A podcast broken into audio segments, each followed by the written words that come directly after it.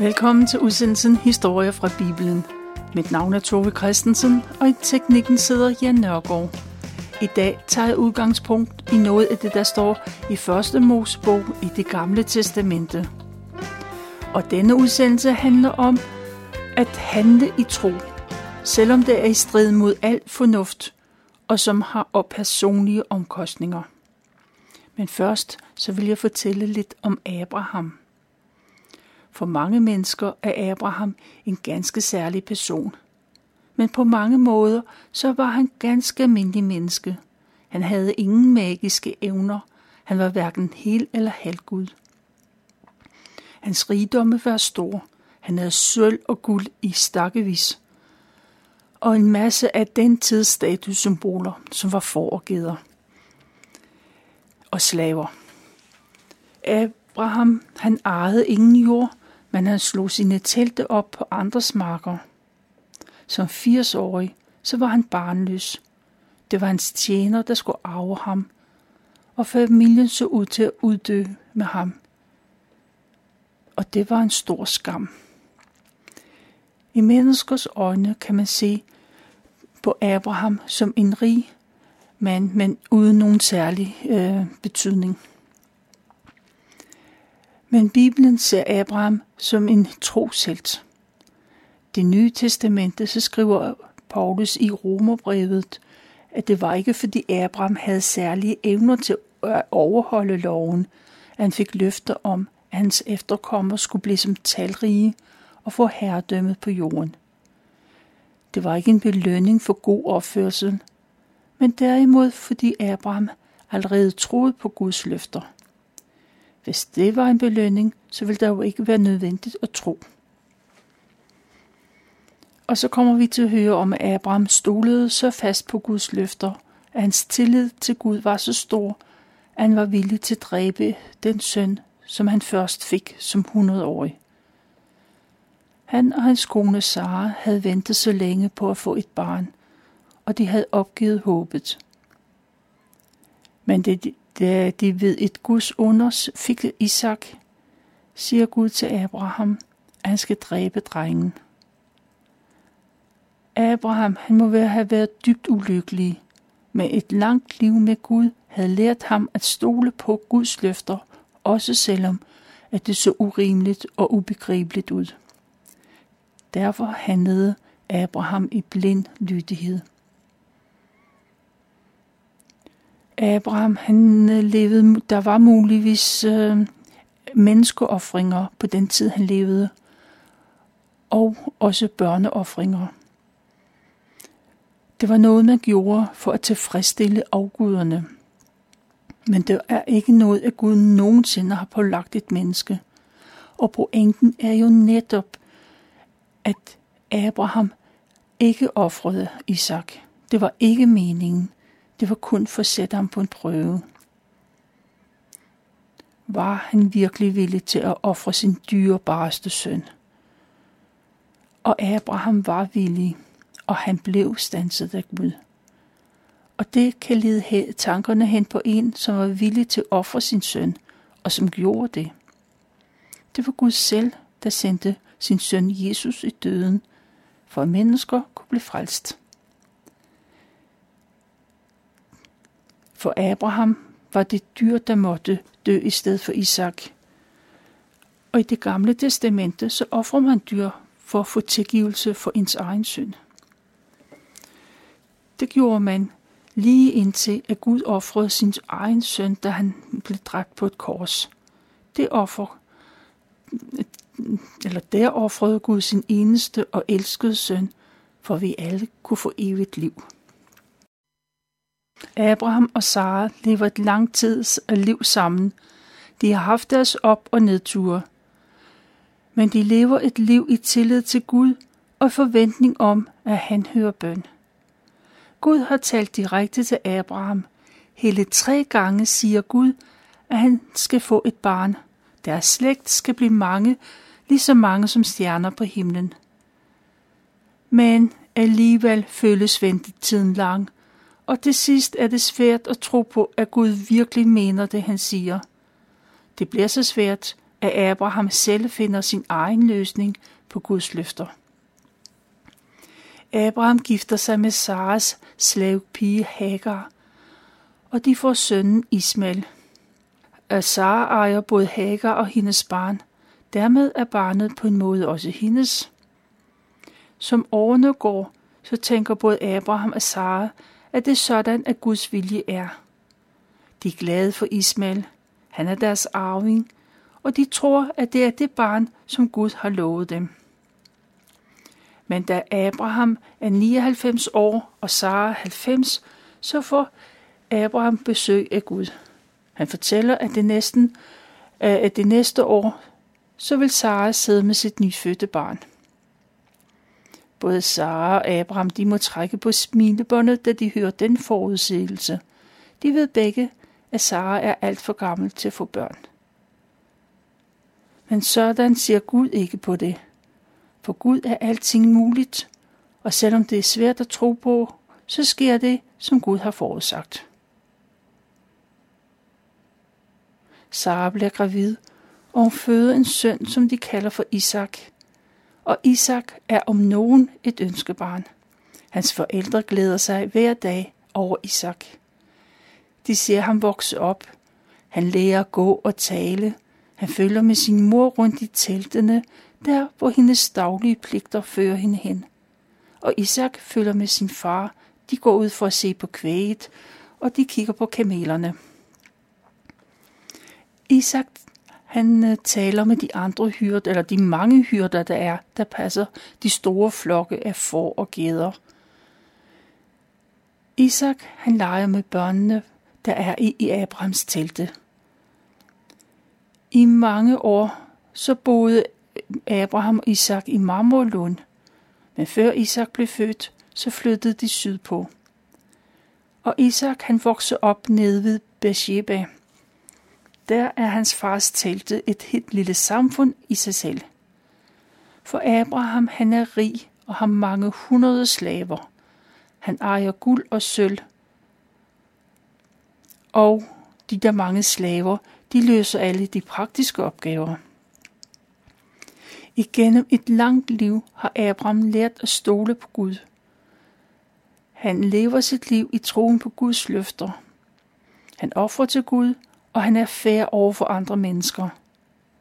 Men det er hans tro på Gud, der gør ham til noget særligt i Guds øjne. En nat så kalder Gud på Abraham. Abraham svarer ved at sige, ja herre, jeg lytter. Abraham, han kender nemlig Guds stemme. Han har hørt den før. Der siger Gud de ord, der er så svære at forstå. Gud siger til Abraham, at han skal tage sin eneste søn Isak, den søn, han elsker så højt. Ikke den eneste søn, men i hvert fald Saras søn. Øh, Abraham skal tage Isak med og ofre ham som et brandoffer. Øh, Abraham skal gå afsted til det bjerg, der hed Moria. På det bjerg vil Gud vise sig for ham. Øh, Abrahams følelser kan ikke være anderledes end en hver anden fars. Abraham ved godt, at andre religioner offrer mennesker til deres guder, også deres sønner. Måske undrer Abraham sig ikke så meget, som vi vil gøre i dag. Men det er stadig mørkt og alt for tidligt til at stå op, og Abraham må have tænkt mange tanker, mens han ligger der søvnløs.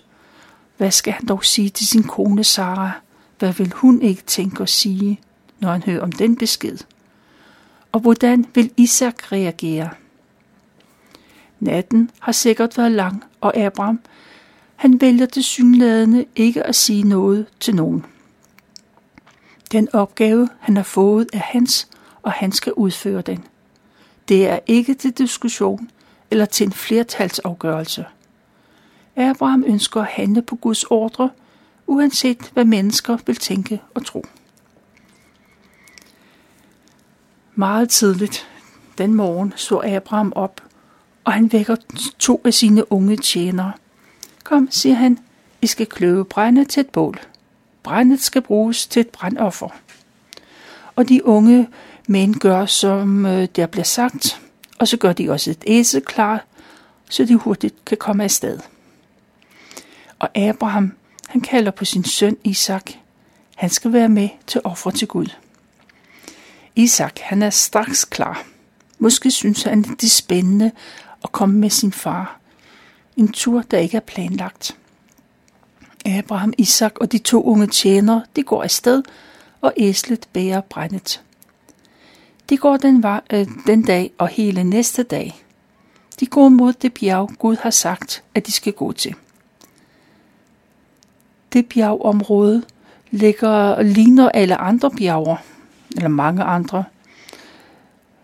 Abraham han kender faktisk godt stedet, for det ligger ikke så langt fra Mamrolund, der hvor Abraham og Sara boede i mange år. Og Abraham han når at tænke mange tanker, og det sætter sit præg på stemningen. Abraham ved nemlig som den eneste, hvad der venter rundt om hjørnet. Men han siger ikke noget, hverken til sin søn eller til tjenerne. Efter to dage ser Abraham bjerget langt borte. Om morgenen den tredje dag siger Abraham, at tjenerne skal vente på ham, hvor de er. Så vil han og Isak gå videre og ofre til Gud på bjerget. Vi kommer snart tilbage igen, siger Abraham til dem. Vi kommer tilbage, siger han. Tjenerne sætter sig ned og holder øje med æslet. Abraham lægger brændet på Isaks skuldre, selv tager en kniv og de ulmende gløder, han har haft med hele vejen. Og så går de afsted, de to, den dreng og den gamle mand. Og de går i tavshed. Abraham har ikke lyst til at snakke, og Isak er også tavs. Og drengen går og tænker, de skal ofre brandoffer, det ved han. Han bærer selv brændet, og hans far har ild med, men hvor er lammet, der skal ofres? Drengen undrer sig og spørger sin far. Men Isak han får et formelt svar. Gud skal nok sørge for, at et dyr skal ofres. Og så går de videre. Endelig kommer de til det sted, hvor Gud har bestemt, at Abraham skal bringe sit offer. Abraham samler sten og bygger et alter. Han lægger brænde oven på aldret, så det er klar. Og som det sidste, så tager han sin søn Isak og binder ham og lægger ham oven på brændet. Så løfter Abraham sin kniv for at dræbe Isak som et offer til Gud. I det samme lyder en stemme fra himlen, der siger Abraham, Abraham. Og Abraham stopper lige med det samme og lader hånden synke. Abraham kender stemmen. Det er Guds. Han svarer ja. Gud siger, han skal lægge kniven og ikke gøre drengen noget ondt. Nu ved Gud, at han virkelig, eller Abraham virkelig, var klar til at adlyde ham. Abraham han ser sig omkring, og så får han øje på en væder. Væderens horn er viklet ind i en busk, så den ikke kan komme fri. Og Abraham tager dyret og offrer det som et brandoffer i stedet for sin søn. Dette sted i Moria er noget særligt, og Abraham kalder stedet for Herren sørger for os. Der lyder igen et råber fra himlen, og Gud taler. Han siger, jeg sværger ved mig selv, at fordi du adlød mig og ikke sparede din eneste søn, så vil jeg velsigne dig. Jeg vil gøre dine efterkommere talrige som himlens stjerner og sande på stranden, og den slægt vil vinde over deres fjender. Desuden vil alle jordens folkeslag blive velsignet igennem en af Abrahams efterkommere. Det er den velsignelse og det løfte, Abraham får på Moria bjerg. Det er en velsignelse, der ikke kun gælder for ham selv, men for mennesker til evig tid. Efter at have offret, så går Abraham og Isak tilbage til tjenerne og æslet, og de begiver sig på vej hjem igen. Både Abraham og Isak ved begge, hvad der skete på bjerget, at det var noget særligt. og det sætter spor i dem begge to. De ved det ikke der, men Moria bjerg får en stor betydning senere i historien. Kong David gør Jerusalem til hovedstad, til hans by til, og Guds by. Og hans søn Salomon bygger Guds tempel netop på det sted, hvor Abraham viser sin tro og tillid til Gud. Men det er fremtid. Abraham og Isak vender hjem, og hverdagen indfinder sig. Der går nogen tid, og så flytter Abraham sine telte til Hebron. Der bor han, indtil Sara bliver syg, og hun dør. Abraham er utrystelig. Han græder over sin hustru. De har holdt sammen i mange år. De har haft gode tider med velstand og lykke, og ikke mindst har de oplevet Guds rige velsignelse. Men der har også været svære tider med hungersnød og med bekymringer for fremtiden. Ikke mindst har de sammen sørget over at være barnløse. Men i alle årene har de holdt sammen og været glade for hinanden. Nu er deres samliv slut. Sara er død, og hun blev 127 år. Abraham må handle hurtigt, for Sara skal begraves med det samme, for det er vigtigt i det varme klima. Abraham går til de ledende mænd i Hittiterstammen, fordi det er i deres område, han bor. Han spørger om, at de vil sælge ham et stykke jord, så han kan begrave sin kone. Og mændene de forhandler, for Abraham vil gerne købe marken, hvor Magpelas klippehule ligger. Enden på det bliver, at Abraham køber klippehulerne for 400 stykker sølv. Og sådan går det til, at Abraham bliver begravet, nej, Sarah selvfølgelig, Sarah bliver begravet i nærheden af Marmorlund. Abraham har boet i Kanaans land i 60 år, men det er først nu, han ejer et stykke mark. Han ejer familiens begravelsesplads. Både Abraham og Isak sørger over tabet af hustru og mor. Sorgen er også stor for Isak, der er knyttet til sin mor. Det får Abraham til at tænke på sit ansvar som far. Han skal sørge for, at Isak får en passende kone.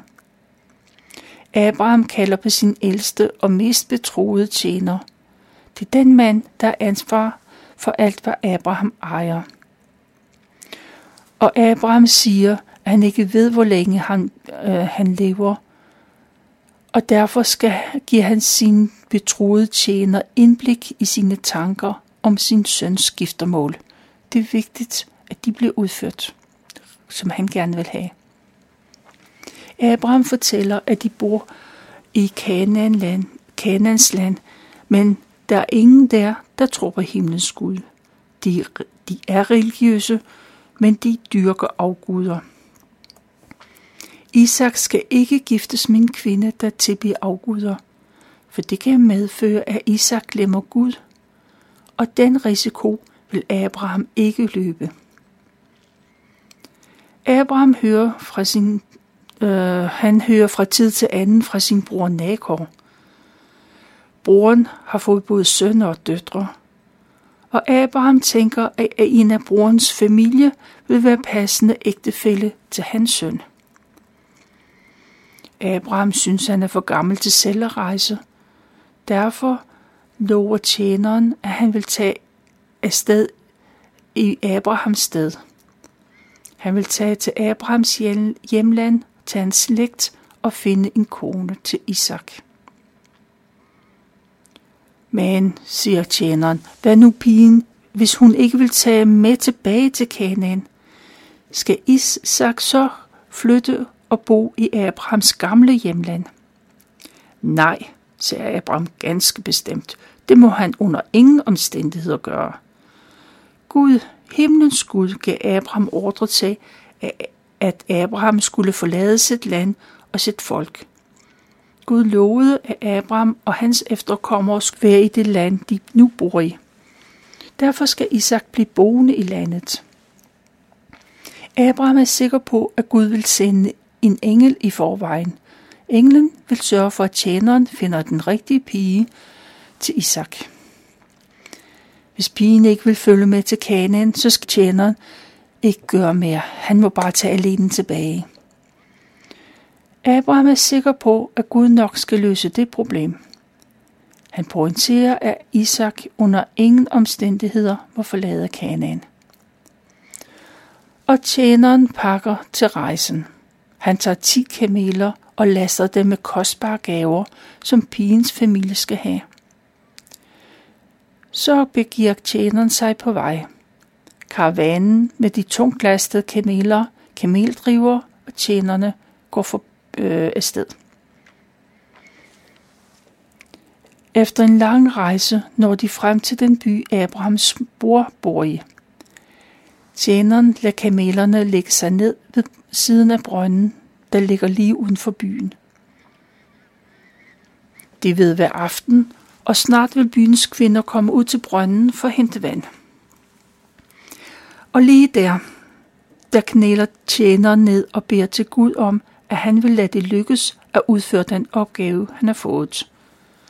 Tjeneren fortæller Gud om sin egen plan.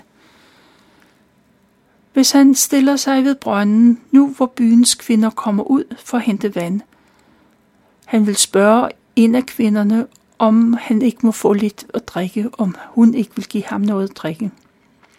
Hvis hun så svarer, drik bare, og lad mig også sørge for dine kameler. Gud, lad det være hende, du udser til at være Isaks kone.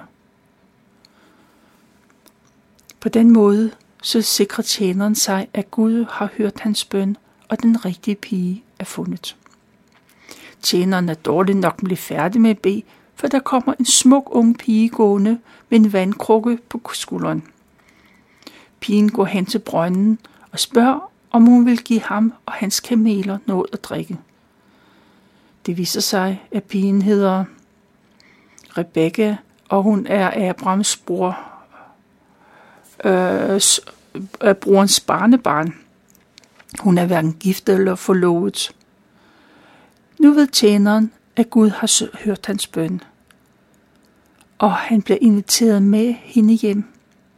Den samme aften bliver det aftalt, at Rebekka og Isak skal giftes.